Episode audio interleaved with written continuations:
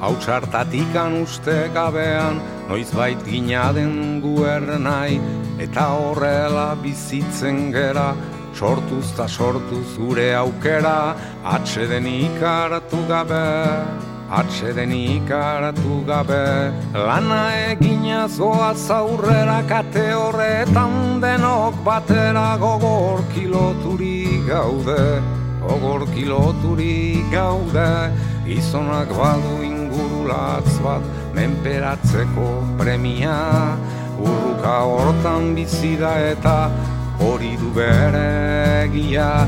Ekinta ekin bilatzen ditu saiatze hortan. Ezin gelditu jakintza eta argia.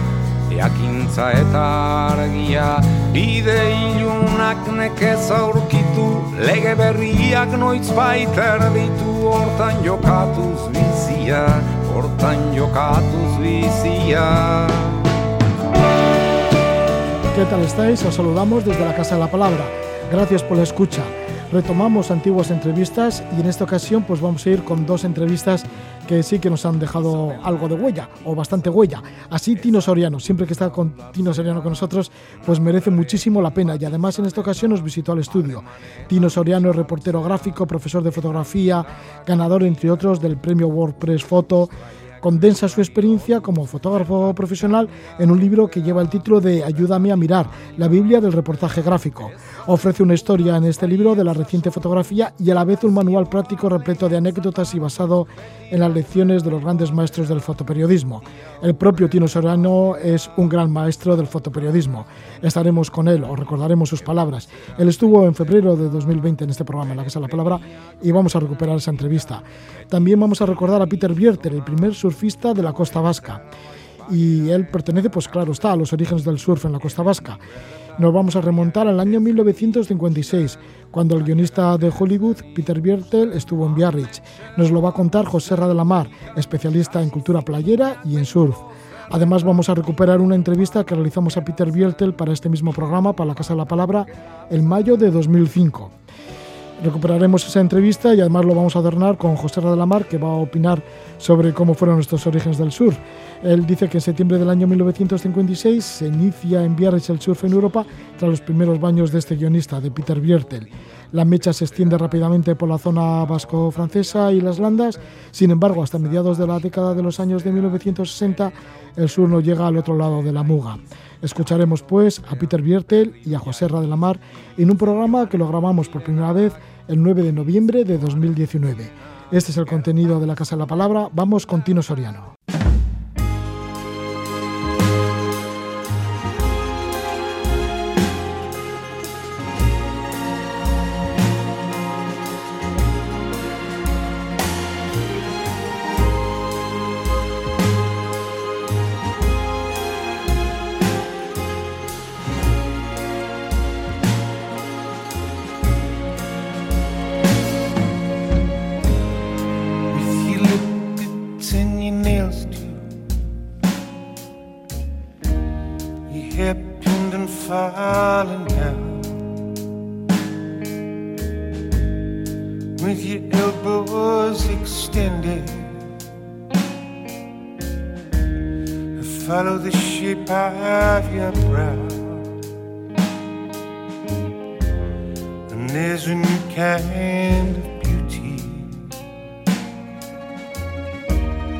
That.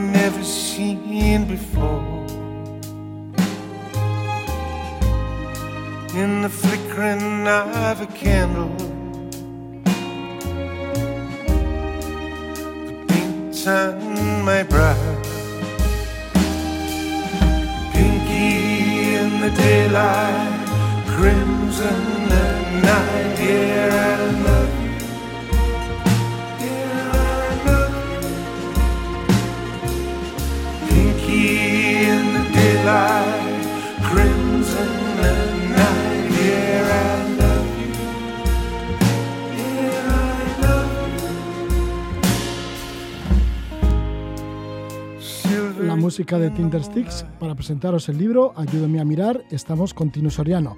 Tino Soriano es maestro de la fotografía de viajes y fotoperiodismo. Ha obtenido numerosos premios en su labor profesional. Ha impartido másteres y conferencias por el Estado español y también en diferentes países del extranjero, desde México y Estados Unidos hasta Etiopía, Perú o China. En sus andares con la cámara fotográfica ha dado tres vueltas al mundo. Yo creo que las tres vueltas al mundo nos lo ha contado aquí en alguna ocasión. También ha ilustrado libros para National Geographic y publicado en numerosas revistas. Es autor de tres libros de fotografía que dejan huella. El primero, La fotografía en los viajes, en el año 1988. Nos conocimos por aquella época con este libro, La fotografía en los viajes. Treinta años después llegó el segundo volumen, Los secretos de la fotografía de viaje, y ahora está su tercera obra en el mercado. Es Ayúdame a mirar, en donde Tino Soriano, maestro de la fotografía, como decíamos, habla de sus maestros y de la pasión por el oficio de fotógrafo y reportero tenemos la fortuna de tenerle presente a Tino Soriano. Bienvenido, muy buenas noches, Tino. Muy buenas noches y muchísimas gracias. Ya no se ir a Bilbao sin hacer una visita por Euskadi Ratia. bueno, pues nosotros estamos encantados de que vengas, porque vamos, es todo un privilegio cada una de las veces que vengas. O sea que si, si vienes un montón, pues un montón de privilegios. Qué amables. Sí, sí, sí. Bien, bueno, pues en este libro está lleno de enseñanzas y anécdotas de tus fotógrafos favoritos. Parece ser que es un trabajo que has ido, has ido documentando, por lo que cuentas, durante 25 años.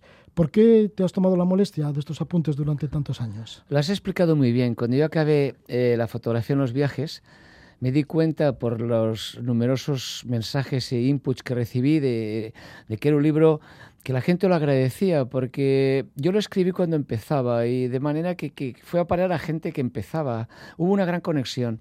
En aquella época yo empezaba a ser fotógrafo, que tú me ayudaste mucho al presentarme al gran Gonzalo Martínez Azumendi. Ah, sí, otro gran fotógrafo. Allí. Y, y entonces pensé, lo que estoy aprendiendo ahora, dentro de unos años quizás lo olvidaré lo automatizaré. Y, a mí me gustaría dejar una huella, un recuerdo de las cosas cuando realmente tienen valor, que es cuando las aprendes, que te ayuden a dar un paso adelante. Y empecé a ir tomando notas de la gente que conocía, las entrevistas que, leía, eh, los consejos que realmente me habían ayudado a, mejorar como fotógrafo. Y después de 25 años me di cuenta que tenía, que tenía para un libro de 600 páginas y me puse a hacerlo. Sí, un libro que, claro, cada uno de estos personajes que vas comentando son grandes eh, maestros de la fotografía. Cada uno de estos te habrá inspirado muchísimo. Incluso algunos los has conocido, ¿no? Porque vives cerca de Perpiñán y en Perpiñán hay un gran festival de, de fotografía. Efectivamente, en el libro salen por lo menos unos 300 fotógrafos de los que me he inspirado para, para hacer este, este gran libro en sentido de contenido. Y vivo a tres cuartos de hora de Perpiñán, donde hace 30 años que se está celebrando el Festival Visa por L'Image, que es donde nos encontramos los fotógrafos de todo el mundo. Yo allí entré a National Geographic porque allí vino el editor de fotografía de National Geographic. De, en lugar de tener que ir a Washington, me lo encontré en Perpiñán. Y de hecho, la primera edición yo fui que no era fotógrafo y, y luego acabé exponiendo. Pero precisamente por trabajar en National Geographic, pues he, trabajado también codo a codo o he coincidido con muchos de los grandes fotógrafos del siglo XX y parte del XXI y a la vez pues Magnum los ibas conociendo. Y además la gente que tenía algo interesante yo me intentaba preguntarles cosas. Oye y esto eh, Elliot Erwitt, eh, Alex Webb, gente que he tenido que además de maestros pues he podido mantener conversaciones eh, importantes ya que has nombrado a Alex Webb, fotógrafo californiano de la agencia Magnum, una de las grandes agencias del mundo, decía que para ser un buen fotógrafo es preciso trabajar 25 horas al día y caminar doble que los demás. Es absolutamente cierto. Eh, la, fotografía es una actividad que normalmente, al menos la fotografía de reportaje, no es previsible. Es como la caza, tú sales y no sabes exactamente en qué momento va, va a pasar lo que Robert Capa llamaba el milagro del día. De manera de que en la medida que tú caminas más, pues tienes más posibilidades de que este milagro acaezca. Por ejemplo, mucha gente cuando acaba la puesta de sol se va a cenar. Hay un montón de fotos interesantes mientras ellos están cenando. Pero te ha de pillar trabajando, que decía Picasso. O sea, que no debes dormir, que tienes que estar esas 25 horas alerta, ¿no? Más o menos para... Tienes razón. es, es durísimo. Cuando estás haciendo un reportaje a veces duermes poquísimas horas porque necesitas las mejores horas, que suelen ser las primeras del día, las últimas del día, para ah, conseguir buenos registros. El resto del día estás trabajando, preparándote estos momentos y encima por la noche estás soñando lo que vas a hacer al día siguiente y lo que hiciste el día anterior.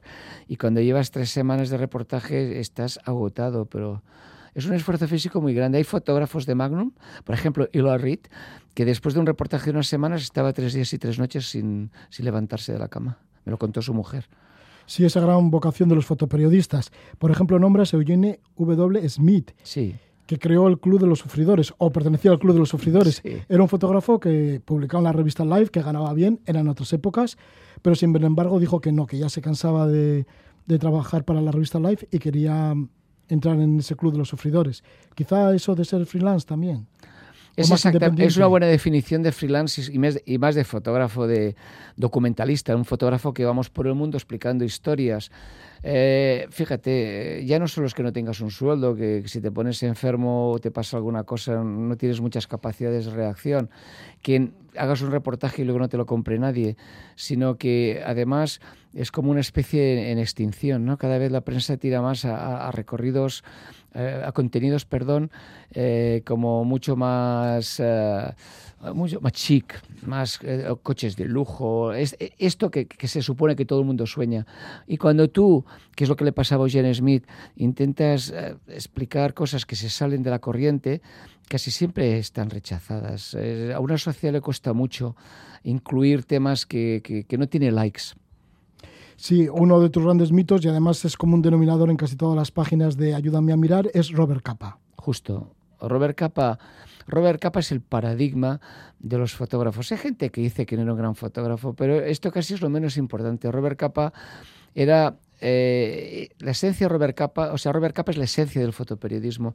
Yo cuando a mis alumnos después de 40 años me preguntan que les dé un buen consejo, les digo, mira, léete la biografía de Robert Capa y luego léete el libro que escribió sobre sí mismo, que era un, un guion para Hollywood, porque Robert Capa acabó siendo la pareja de Ingrid Bergman y vivía en el Hollywood más glamuroso él estaba aburrido, era un fotógrafo como muy comprometido y estar ahí pues de pareja junto con de Ingrid Bergman junto con Albert Hitchcock o con John Ford o con Humphrey Bogart eh, le, aburría y decidió escribir una novela que la tenemos en, castellano, que se llama Ligeramente desenfocado. Tanto su biografía como la novela Ligeramente desenfocado es, eh, eh, la, tenemos en, en castellano. Pero eh, ligeramente desenfocado, eh, te está diciendo que te está mintiendo un poquitín, que te está vendiendo humo. Era un guion para Hollywood. Él estaba escribiendo un guion para Hollywood a partir de sus experiencias. Entonces, para resumir, nos encontramos un chavalito que con 17 años sale por piernas porque le está persiguiendo a la policía política, porque es un tipo de izquierdas, que tiene que vivir en el país, en el París de los exiliados robando croissants para sobrevivir, que hace la fotografía más importante de la Guerra Civil Española, que hace el desembarco en Normandía siendo de origen alemán, aunque era húngaro, para, para los Estados Unidos era un enemigo. Y, y que se casa con Ingrid Bergman, que, bueno, no se casa, se empareja, que monta Magnum y que muere en acto de combate. sí, con una mina, ¿no? Sí, pisó una, mina haciendo una, una, porquería de foto que tenía que hacer de, un ejército, intentó subir una especie de loma y allí había una mina escondida. Tenemos un cadáver exquisito, pero leer su biografía te, explica sobre todo la guerra de España, la, Segunda Guerra, la creación de Magnum, eh, cómo dirige a los fotógrafos para que Magnum venda ahí está todo. Es, algo muy interesante, porque hoy en día que parece que todos lo sabemos, cuando alguien me pide un buen consejo para ser fotógrafo, siempre le digo, mira los clásicos. Y Capa era un clásico como Eugene Smith. Sí, que murió en mayo de 1954 cuando pisó esa mina, ¿no? esa mina en Vietnam. Por la explosión. Sí, porque Robert Capa decía también que había que acercarse mucho, ¿no? Al lugar en donde vas a fotografiar. Eh, es un consejo clásico. En realidad Capa resumió con, con con la inteligencia que, él tenía, algo, un fallo que tiene la mayoría, el 99% de los aficionados que empiezan, es que quieren meter demasiada información en la foto. Es como si yo tuviera un minuto para hablar e intentar leerte el libro 600 páginas en un minuto. Hablaría rápido y nadie entendería nada. En fotografía pasa lo mismo. En general, un buen fotógrafo se distingue porque incluye dentro del encuadre lo que es esencial para entender y, excluye lo que puede entrometerse en la comprensión de lo que explica.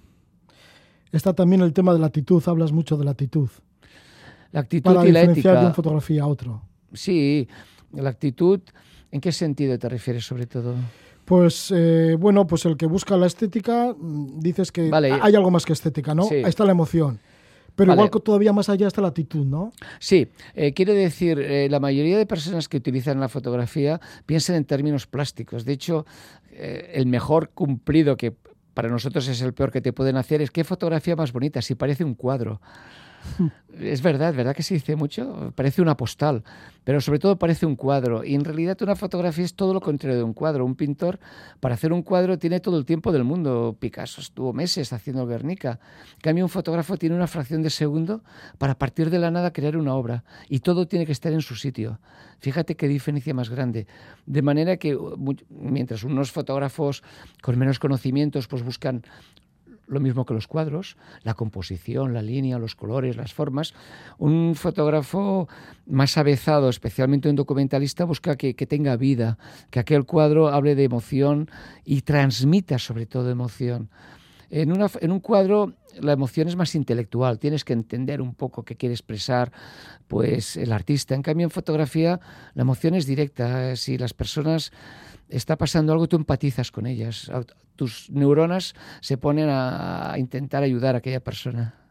Afirmas que en la actualidad tomar fotos es un juego de niños. Bueno, hay tantas fotos y tantas y tantas, tanta gente sacando fotos. Técnicamente, técnicamente es un juego de niños porque las cámaras digitales son pequeños ordenadores de a bordo, como un teléfono portátil, y prácticamente no solo te han resuelto todos los problemas técnicos que habían, sino que te dan unas opciones increíbles. Mi, cámara, por ejemplo, es capaz no solo de hacer 60 fotos por segundo, sino que cuando tú aprietas el disparador te, ha grabado las 15 fotos de antes que tú apretaras el disparador. Es imposible equivocarse con, estos aparatos tremendos. pero dices que la aparente facilidad de esta práctica es precisamente una gran trampa. Es la gran trampa, porque la gente confía que la cámara era todo el trabajo y la cámara puede resolver el trabajo técnico, pero la cámara no, no crea. una cámara tiene la inteligencia de una vaca. Mm, está allí pues para pastar, pero no para, para, para hacer poesía. Tu, tu, labor es hacer poesía con la cámara y aquí empezamos a entrar en el terreno de lo intangible y, de los sentimientos. Sí, y al tener buen ojo, porque dice, dices que hace falta años de práctica para tener un buen ojo. Cartier-Bresson hablaba de nueve años. Cuando yo empezaba a leer esto y pensé qué exagerado es este hombre, y ahora te diría que hace falta 20. Mm, es el, fíjate que un ojo que sea capaz de capturar un 500 de segundo, algo que es intangible y que se pueda transmitir, es un ojo muy entrenado. Y esto no lo aprendes solamente leyendo libros. De hecho, mi libro habla mucho de, inspiración, de cómo llegar a, a, ver lo intangible, pero no cómo resolverlo, porque es el cerebro y las vivencias de cada persona los que son capaces de ver allí donde los demás no ven. Y aquí empieza la buena fotografía. Estamos con Tino Soriano y estamos hablando del libro Ayúdeme a mirar, la Biblia del reportaje gráfico. Así está este subtítulo.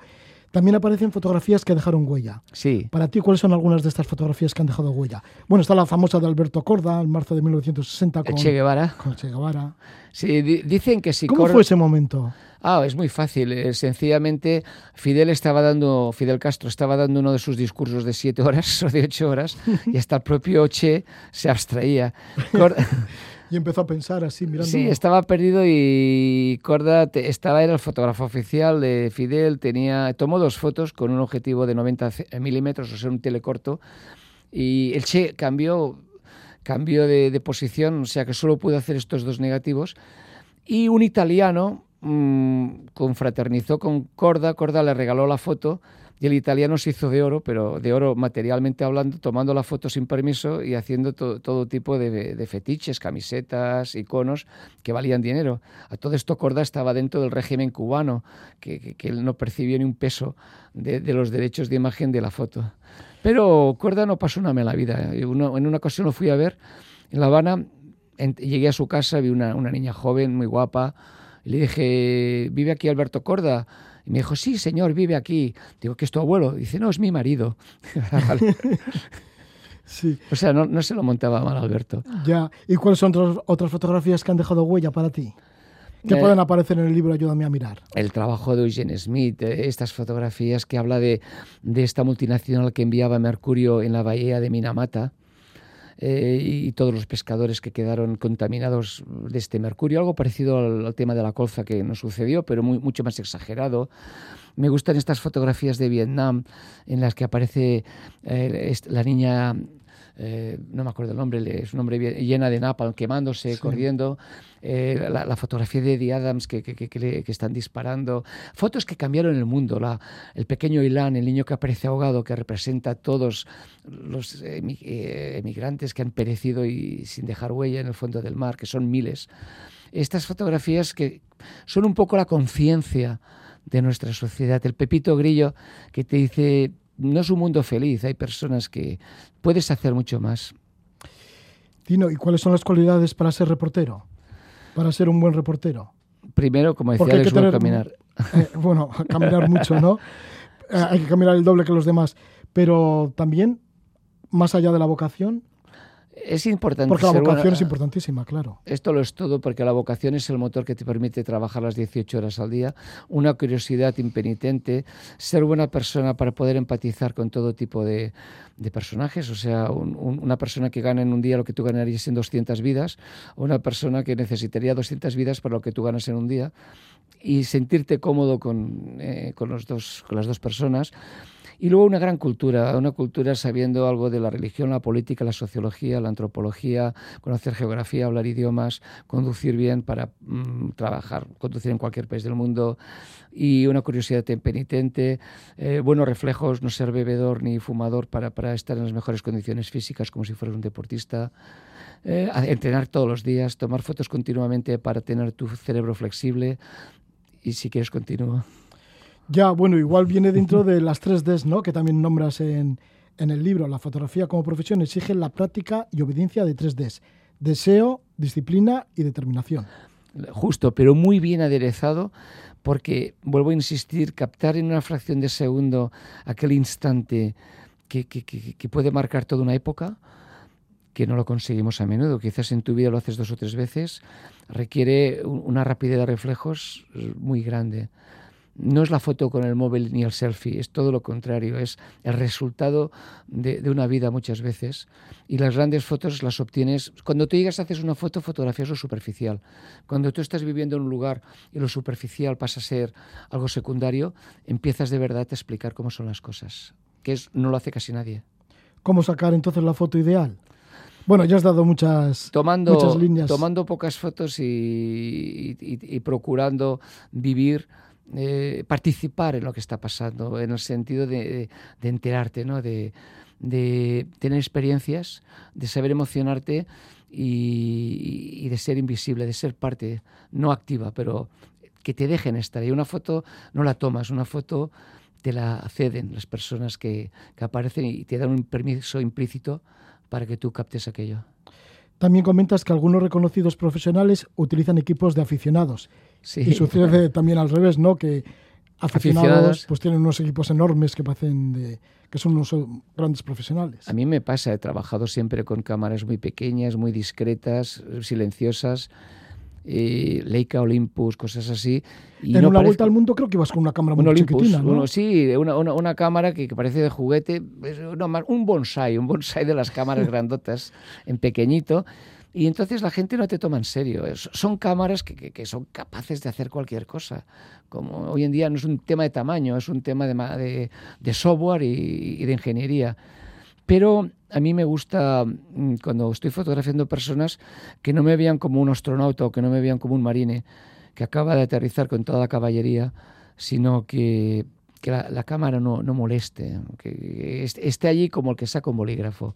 Es muy interesante para que la gente no pierda la espontaneidad y se sientan cómodos contigo, no, no un modelo. Cuando una cámara hace cataclac, rompes la atmósfera. Al segundo cataclac, las cosas ya no son como eran. Por descontado que una competición deportiva, en una noticia, incluso en fotografía de naturaleza, a veces esto no importa mucho. Pero según qué fotografía el cataclac te puede cerrar un camino que era mucho más amplio. Hablas también de la profesión. ¿Hay crisis en la profesión de fotoperiodista, de fotógrafo? Totalmente.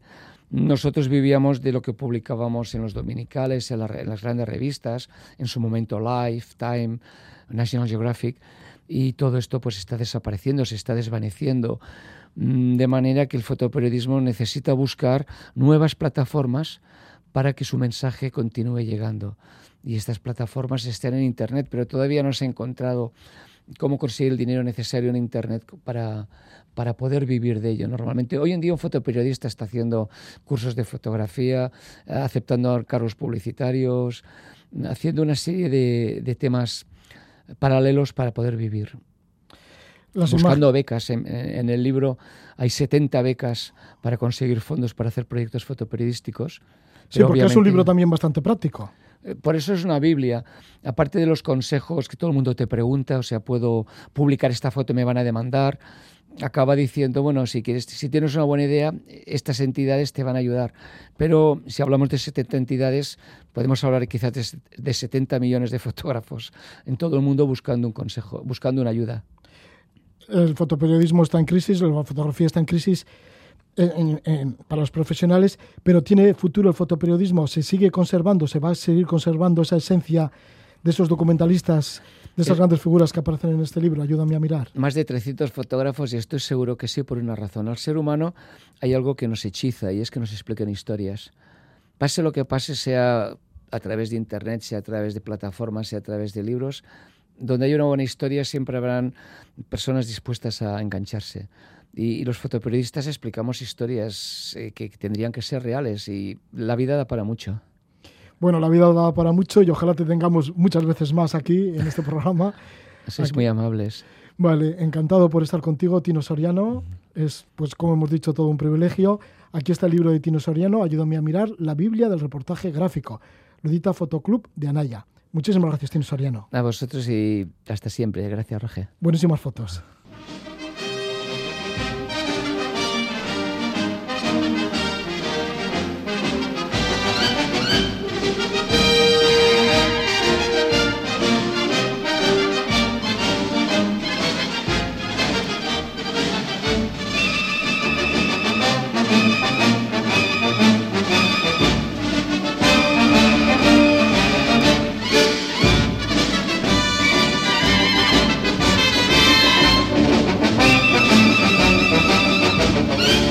Es música de San Fermín recogida en la banda sonora de la película Fiesta. La película Fiesta que estaba basada en una novela de Hemingway.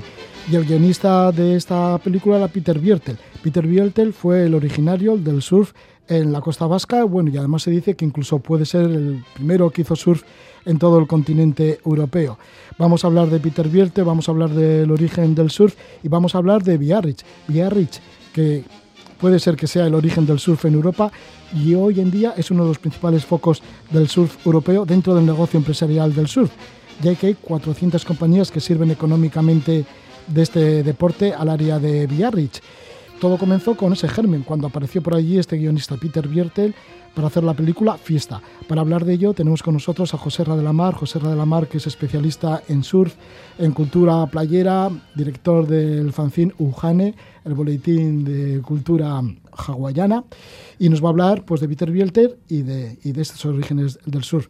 Vamos a irnos a Biarritz y aquí está José Ra de la Mar. Gabón, buenas noches, José Ra. Gabón Roge. Que además luego vamos a escuchar una intervención de Peter Biertel del propio y mítico Peter Biertel, al cual entrevistamos allá por mayo de 2005. Pero antes vamos a conocer al personaje. ¿Cómo fueron los hechos? ¿Cómo apareció Peter Biertel por Biarritz? ¿Y cómo se le ocurrió subirse a una tabla de surf y coger algunas olas por allí? Pues la cuestión es que Peter Biertel le hizo el, guion de la, basado en la novela de Hemingway, eh, de Sonor Rises, y entonces el productor, mm, que era eh, Daryl Zanuck, mandó a su hijo y al, y al, propio guionista junto con una unidad para filmar los San Sanfermines, antes de que empezara el rodaje de la propia película. Eh, los Sanfermines del 56. En la película la he visto esta madrugada y la verdad es que, bueno, pues eh, al que le guste un clásico de Hollywood, pues, pues muy bien, ¿no? Eh, Tyrone Power, Ava Gardner, Rolf Flynn, que está toda la película borracho, Peter Biertel le convence a Zanuck, que era el, hijo del, productor, a Rick Zanuck, de que hay buenas olas en, en Biarritz, de que hay olas que se pueden surfear. Es curioso ese tópico ¿no? que existe antes de que llegara el surf, de que el surf solo se podía hacer en Hawái o en California. ¿no? Y entonces, antes de ir a Pamplona, allá por junio del, julio del 56, quedan en Biarritz y ven las olas y efectivamente eh, Rick Zanuck que luego sería un gran productor que mm, encargado de producir películas como Tiburón o películas de Tim Burton, dice, sí, efectivamente hay olas y además yo te voy a enseñar para que dejes la máquina de escribir de una, de una santa vez. Se van a Pamplona, allí llegan las tablas, una de ellas llega rotas, eh, son tablas de madera de balsa de 3,40 eh, centímetros, de, de 3 metros 40, es decir, son tablas muy grandes. ¿Que tiene que pesar mucho? Sí, a, pesar de, ser madera de balsa, pues pesaban con el, con el poliéster, pesaban 25 eh, kilos.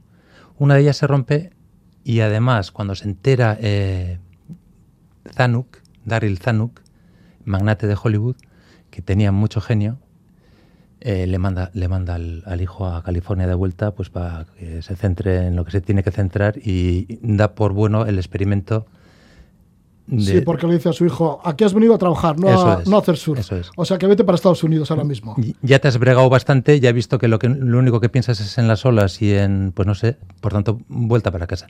Se queda solo Peter Biertel, que no era un surfista, yo creo que no había hecho nunca surf antes. Eh, se encuentra con la traba de que quieren cobrar un 170% a la, de aranceles a la, a la tabla y por tanto pienso que se recorre eh, pues eh, la frontera española para pasarla de contrabando por Endaya, pienso. Eh, y efectivamente, en septiembre de 1956, entran en la Côte de Basque, en la playa, eh, hay un corrillo de gente, entre ellos George Genebut. Como no sabe hacer, no tiene parafina y no existía invento, en la tabla se le va a, la, a las rocas.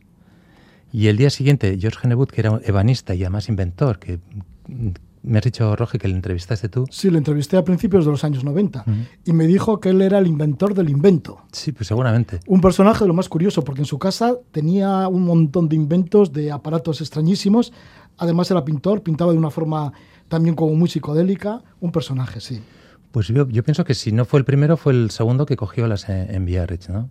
Esa, eh, dicen que estaba Hemingway viéndolo todo y Decías, el, primer eh, lugar en Europa donde se hace surf, pues eh, quizá el más importante, pero también hay ejemplos documentados en, Gran Bretaña. ¿no? Lo que pasa es que en Biarritz en el 56 y sobre todo ya en el 57 se suma otra gente como Rosnay, Roth, Barlan y se genera... Barlan que luego fabrica tablas, con es famosísimo. Con Roth. Eh, y, entonces se, genera pues, un movimiento importante para el surf. Eh, que, llega hasta hoy en día, porque ahora ya hemos dicho que económicamente a Biarritz se nutre mucho de, del tema de las empresas de surf. Y que en aquellos años, por lo menos mmm, pasado un tiempo, eh, traspasa la frontera y llega pues, eh, a gente como El o a Jesús Fiocchi, esas tablas Barlan Rod famosas, o a Nito Viescas en Zarauz, ¿no? Y esto es lo que llega a esta parte del Cantábrico. Y esta Pero ya de... unos años más tarde, ¿no? y entonces el, el, inicio, pues mirando todas las webs, los periódicos, ha salido miles de veces, ¿no? Lo que no había oído yo nunca es al propio Peter Biertel en, en una grabación, ¿no? Pues mira, ahora le vamos a escuchar a Peter Biertel, tenemos esa oportunidad porque le hicimos una entrevista allá por el 13 de mayo de 2005. Por aquel entonces Peter Biertel tenía 84 años. Peter Biertel que vivió entre 1920 y 2007, o sea que murió en el 2007 y esta entrevista fue dos años antes. Le escuchamos a Peter Biertel.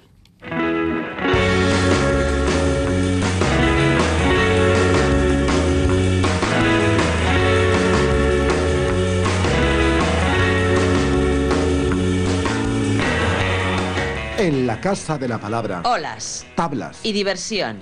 Información, sobre surf. En esta sección dedicada al sur vamos a conversar con una gran figura en la historia del sur vasco, el primero en plantearse en plantarse con una tabla de surf en nuestras playas, el californiano Peter Biertel, toda una institución y leyenda del sur, pero sobre todo es mundialmente conocido por ser guionista de Hollywood.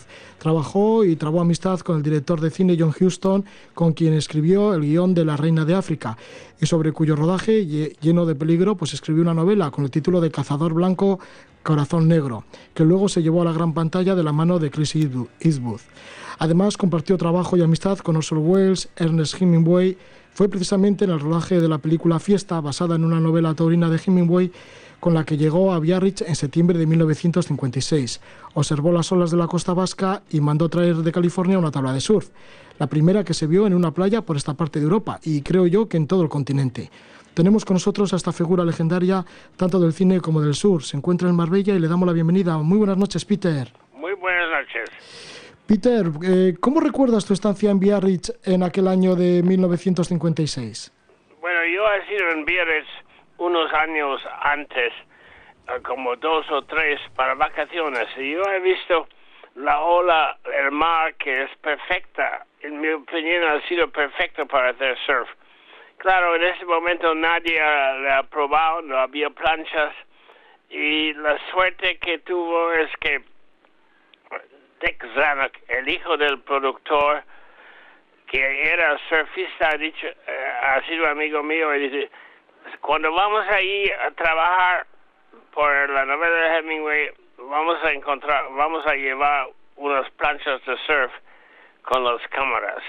Y él ha hecho eso y llegamos ahí y había olas fantásticas, pero el padre de Dick ha, dicho a su hijo, la vida es seria, no hay que hacer surf, hay que trabajar.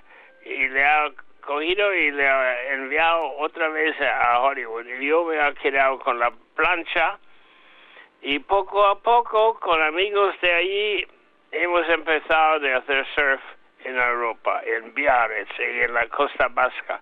También, claro, al otro lado de la frontera, los españoles han visto esto y en muy poco tiempo también había gente haciendo planchas y haciendo surf. Así que el hijo del productor Dick Zanut de la película Fiesta que estabais rodando en Biarritz, Darryl F. Zanut, que era surfista, tuvo la idea de, traer una tabla de California. Bueno, te animó a, a ti también, pero tú no sabías hacer surf, ¿no, Peter? Bueno, yo he hecho un poco en Hawái, pero nunca ha sido eficaz. Ah, la verdad es, experto nunca ha sido yo, pero he hecho mucho surf y me gustaba más que cualquier deporte. Sí, ¿y cómo fue esa primera experiencia de poneros en una, en una, sobre una tabla en, en, la, en la Costa Vasca, en Biarritz? Bueno, al primer momento Uh, la policía ha dicho eso no se puede hacer aquí, es peligroso. Cuando la bandera es roja en la playa no tiene que salir la gente y usted tampoco. Y había una pequeña lucha al principio, pero poco a poco la gente más deportiva de ahí han realizado que es un deporte fantástico y, y, y fantástico para toda la costa vasca, Guetaria, eh, Zaraos, donde sea. Sí, ¿cuánto medía esa primera tabla que trajiste de California? ¿Perdón? ¿Cómo era esa primera tabla que trajiste de eh, California? Era una tabla usada y uh, por mala suerte se ha roto un día, pero había un señor brillante, uh, se llamó Barlon, y él ha empezado a fabricar planchas. Sí. Y ha sido uno de los primeros fabricando planchas ahí en la costa vasca. Sí, Michel Barlan, que fabricó las primeras tablas allá por el año 1958 y que formaba del primer grupo, ¿no? El primer grupo de surfistas que te vieron a ti surfear y, fue uno de los que se animó. Sí, había yo de René, había Barlan, había un chico que se llama Roth que vino de, de Dax o yo no sé, y eh, varios jóvenes eh, hemos, claro, hemos prestado la plancha a cada persona que ha querido eh, tentar el deporte. Y eh, poco a poco se han fabricado planchas también en España. no sé si en Guetaria, en Guetaria o, más allá pero ahora hacen planchas, igual hacen planchas aquí cerca de Gibraltar, en, en, la, costa atlántica de España. Mm. Se hacen planchas también. Sí, se está extendiendo sur por, todo, por todos los lugares, incluso por, el, por el Mediterráneo. La cosa increíble es cuando hay olas aquí en Marbella, no hay muchos días de eso, hay cientos de jóvenes también haciendo surf aquí. Sí, Peter, ¿tú todavía sigues practicando el surf? ¿Perdón? ¿Sigues practicando el surf? Yo tengo 84 años ya ha tenido problemas con la salud y ya no hago. pero me gusta ver los otros. Ah, sí. Peter, creo que la primera ola que cogisteis cuando pues traísteis la tabla de surf ah, de California a Biarritz en el año 1956, me parece que terminó mal, ¿no? No, mal, mal, no, pero claro, en estos días no no había el leash, ¿sabes? La, la cuerda que te atata a, a la plancha. Sí, el invento que llamamos. Sí, ¿y ¿cómo se llama en español? Pues le llamamos el invento. Ajá. El momento que había una ola grande y pierdes la, la tabla, había que nadar. Había que nadar porque, claro, no estaba la, la goma hasta que te une el pie con la tabla, ¿no? El invento. Sí, eh, Balón es el que inventó eso. Ya. Y la cosa curiosa es que en California al principio han dicho que no, no, no, eso, eso no es peligroso, la plancha puede volver y darte un golpe, pero finalmente por la ola normal casi todo el mundo usa esta cosa. Sí, que fue un invento de, de Biarritz por, por George Ennett Booth y por Barlan, que Por fueron, los, sí. que fueron los inventores del invento. sí, y mm, creo que esa primera tabla terminó contra las rocas, ¿no? Sí, termina mal. y, y luego, eh, ¿cuándo fue el, el momento que ya os pusisteis de pie? ¿Fue en aquel mes de septiembre del año 56? Yo, Sí. no, yo he tenido la suerte de irme a Hawái con mi mujer, Deborah Kerr, que estaba haciendo una película en Australia. Y el momento de estar en, en Hawái seis, ocho días, ahí me he puesto de pie con...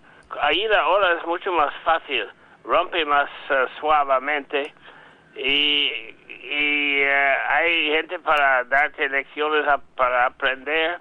Hawái es el sitio donde yo me he puesto a pie la primera vez. Ah, y creo que también eh, fundaste el primer club de surf, el Waikiki, en Biarritz, en el año 1959, y tu mujer, Deborah Kerr, fue la que lo inauguró, ¿verdad? Sí, sí, sí, no, han sido simpáticos con nosotros y como ella era famosa, ah, ella ha sido el presidente del club o algo así, una cosa honorífico. Sí, Peter, ¿y qué opinaba Hemingway de, del surf y de que estuvierais vosotros también durante el rodaje con la tabla? ¿Perdón? Eh, ¿Qué opinaba tu amigo Hemingway del surf? Bueno, Hemingway eh, ya era más que s- 55 años, no nunca ha sido un deportista para el agua y él, él siempre ha dicho cuidado, el mar en Biarritz, el mar en la costa vasca es muy peligrosa. Y la verdad es en la guerra, eh, cuando los alemanes han, ha- han sido ahí en el sur, eh, muchos muchos soldados se, se han ahogado ahí. Y temía por, por la mar mm, de la costa, ¿no? De la costa vasca y de Sí, concreto. pero ahora está todo muy bien organizado. Claro, Ujú. se puede ahogar en cualquier sitio, también aquí en, en Marbella, Sí. pero más del whisky que del, del mar.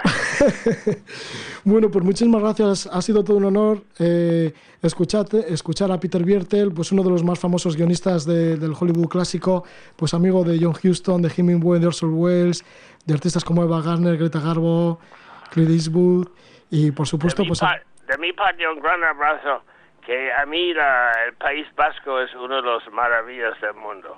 bueno, pues te esperamos por aquí, Peter. Eh, voy a volver, cada año voy un poco, ¿eh? Ah, vale, muy bien, porque aquí ya eres una institución dentro del mundo del surf. Muchas gracias. Un fuerte abrazo, Peter. Abrazo a vosotros. Esta es la entrevista que le hacíamos a Peter Biertel. Qué Este es el testimonio único, ¿verdad? Sí. Sí, allá por el 13 de mayo de 2005 le hacíamos esa Pero ya entrevista. te documentaste entonces, Roger. Sí, bueno, por supuesto, porque claro, entrevistar a Peter Biertel, Sí. que es una leyenda, pues dices, hay que document- documentarse bien. Además, llevaba varios años detrás de él Sí. Para conseguir sus palabras Pero y que, finalmente que- fueron. que majo y además que humilde, ¿no? Porque reconoce que en realidad él no se pone de pie en, en Biarritz, ¿no? Sí, porque- que luego se fue a Hollywood, o digo a Hollywood, a a, Hawái. y Él, sí. él se casa con, con Deborah Kerr en, en 1960. Es decir, lo de Biarritz estamos hablando de 1956. Sí. Entonces, Y- y pues, luego eh, lo del club- si va a Hawái con su mujer, pues eh, estamos hablando de, de- de bastante más tarde. Entonces, hace el intento y seguramente es una semilla, pero él, él reconoce que, que no se pone de pie, ¿no? Sí, pero dejaron mucha huella, ¿no? Porque Claro. ya por septiembre de 1959 se crea el Waikiki Surf Club y de ahí ya se despega el surf Sí. en la costa vasca. Sí, también hay que tener en cuenta que en el 56 las tablas todavía eran de madera, pero ya en el 58 se empiezan a comercializar las tablas de, de espuma, las de, las de plástico, ¿no? Le- eh, esto, Alter, eh, Hobby Alter y, y Groovy Clark, ¿no? Empiezan a, a- a vender las tablas tal, tal como las conocemos ahora. Y eso también permite una expansión enorme, ¿no? Eh, que en el 56 todavía no existía, ¿no? ¿Cómo llegaron a esta parte de, la costa vasca, de Biarritz para aquí? Eh, ¿cómo, prim- cómo- cómo sí, porque antes ya has nombrado algunos de ellos, ¿no? De algunos Sí. de los pioneros. Sí, eh, son cuatro núcleos.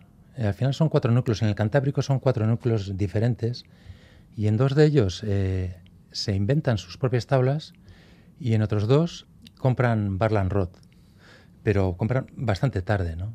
Todos ellos llevaban muchos años eh, queriendo conseguir tablas, ¿no? Por ejemplo, Lejoste había visto una película de, de piratas donde se ve una, alguien con una tabla antes de la guerra, ¿no? Y se pasa media vida eh, intentando conseguir, mandando cartas, mm, hablando con sus eh, amigos marinos. Incluso antes de conseguir su tabla en el 64, está en Biarritz y no se decide a, a comprar una a pesar de que la aprueba. Habla de un tal Villa- que hacía surf allí, un, un vasco de este lado que eh, eh, hacía surf eh, con los de Biarritz, ¿no? ¿El Ejoste dónde es? José Luis Elejoste es, es de Algorta. Empieza- Que también lo hemos entrevistado. le entrevistamos. Hace ya bastante Sí, tiempo. Sí, empezó con 40 años en el 64 y con una Barland Rod, ¿no? Pero no se atrevió a comprar unos años antes que iba, que iba solía ir a, a Biarritz, no se atre- atrevió a comprar por el precio y porque decía, ¿y, y- y qué hago yo con una tabla allí si voy a ser como un marciano, ¿no? No sé, el, el ejemplo de, de Asturias es también bonito, ¿no? Eh, se fabrica una tabla utilizando los medios de comunicación de la época, ¿no? La mecánica popular y, sobre todo en mecánica popular, ¿no? Eh, Iñaki Arteche utiliza eh, el Reader's Digest, El Mecánica Popular, que era una revista. era una revista como de manualidades y entonces en época tempranísima allí en Oviedo pues se hace se hace una tabla y pues no sabemos eh, exactamente la fecha ni qué ola escoge, pero desde luego que inicia el surf en Asturias. Y luego pues los hermanos Arteche, Iñaki Arteche, a partir de la revista Life del 63 y el, un Reader's Digest también del 63, Otra revista. eso es. Es un, es un escultor, es un artista Guipuzcoano. guipuzcoano de Donosti, eh, sin tener mayor idea de que había surf al otro lado de la frontera, consigue hacer una tabla. Mm, La verdad es que tiene un aspecto impresionante y poco a poco eh, van cogiendo olas él y sus hermanos. Tarda unos años, en, en definitiva, tarda unos años en que el ejemplo de Biertel y los demás de Biarritz eh, cruce la frontera. También en Cantabria hay otro núcleo. Sí, eh, eh, es el, parece que al final se, se sitúa en 1965 el, el estreno de Jesús Fiocchi. Jesús Fiocchi consigue una Barland Rod. O sea que las Barland estaban funcionando bastante bien. Sí, son el ejemplo. El amigo de Peter Bierter. Sí, Ya nos ha hablado de él. sí, pero ya ta- tablas de, de plástico, para entendernos, de, de espuma, de poliuretano. Y Jesús Fiocchi eh, ve un anuncio en una tabla de, en, un, en una revista de, de navegación de barcos, Barland Rod, eh, tablas Bayona, no sé qué. Eh, al final, pues se pone en contacto y consigue que el autobús del, del Sporting, que había ido a jugar contra el Irún, traiga en la vaca eh, su, su, su Barland. Ese partido fue en el 65 y por fin se, se- concreta la fecha en el 65. ¿no?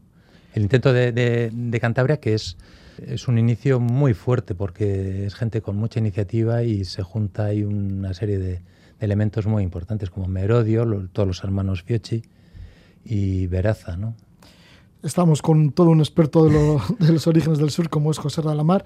Muchísimas gracias por estar con nosotros, José Dalamar, por habernos hablado del origen en Biarritz. Hemos puesto inclusive el testimonio del propio Peter Biertel, Sí. el pionero del surf en la costa vasca. Y bueno, y luego como a partir de Peter Biertel, pues con las tablas Barland y todo esto, ya se fue yendo el, el surf a otras partes Extendiendo de, la costa por, sí. Y luego el ejemplo de, de Gran Bretaña, pues que, que es- queda por estudiar. ¿no? Claro, porque seguramente fueron antes que Peter Biertel los ingleses. Sí, lo que pasa es que no tan importantes. Eh, hasta los años 60. Ellos tienen también su cultura y su historia de surf. El planking, lo mismo que, que tenemos eh, en el continente. Pero no tuvo tanto éxito el, el fenómeno del surf con los Tonton Surfers y el club, la importancia de, la barra de Bayona, ¿no? Eh, como aparece en la revista Surfer, la, película de, de Wittig. O sea, eh, Francia se, se, convierte en un verdadero fenómeno en el surf eh, mundial de, del momento. Ya hemos dicho que hoy en día dicen que Biarritz es la California de Europa. Bueno, pues muchísimas gracias por estar con nosotros, José de Alamar. Un fuerte abrazo y seguiremos hablando de la historia del sur, ya que eres todo un gran especialista entendido.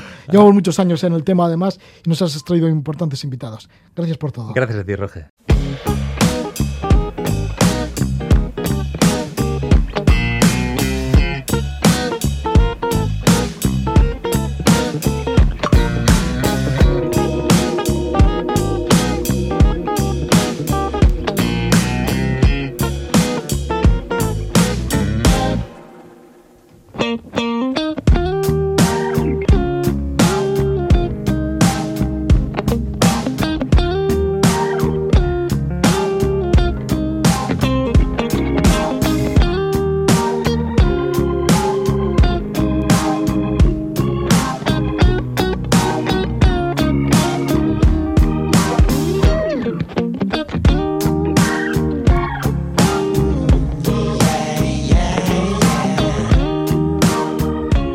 Roge. el guitarrista de Minneapolis, Cory Wong. Hemos estado escuchando a José Lamar, que ha indagado en los orígenes del surf en nuestras costas, y además hemos recogido el testimonio de Peter Biertel en una entrevista que le hicimos en este mismo programa allá por mayo de 2005. La entrevista completa con José Lamar fue en el 9 de noviembre de 2019. Son programas de la Casa de la Palabra en el cual acudimos al archivo y rescatamos entrevistas. Lo hemos hecho con José de la Mar y con Peter Biertel. Y ahora ya nos despedimos. Lo vamos a hacer además con un grupo también pionero y histórico mm, dentro de la línea del country rock, como fueron, como fueron Traidor, Inconfeso y Mártir, luego mm, pasaron a, llamarse Crimen y Castigo, bueno, una parte de sus músicos fueron Crimen y Castigo, y en los últimos tiempos se llaman Country Basque. De Country Basque escuchamos el tema By the Lake. Que disfrutéis mucho, que vaya todo bien.